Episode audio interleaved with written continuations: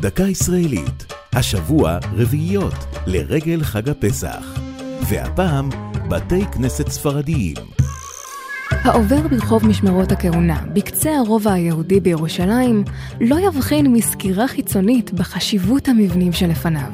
כדי להיכנס לבתי הכנסת יש לרדת במדרגות צדדיות למפלס נמוך בכשלושה מטרים מהרחוב, ולעבור בדלת נסתרת.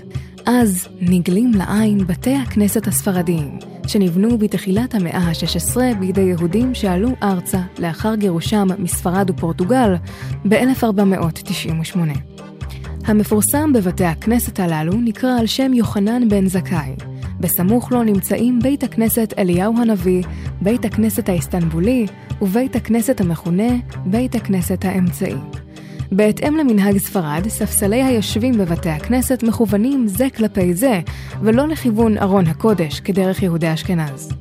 במלחמת העצמאות שימשו המבנים מחסה למאות מיהודי העיר העתיקה.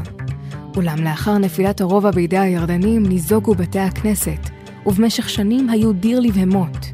רק לאחר מלחמת ששת הימים, עם איחוד ירושלים, החל במקום תהליך שיקום, וב-1972 נחנכו ארבעת בתי הכנסת מחדש.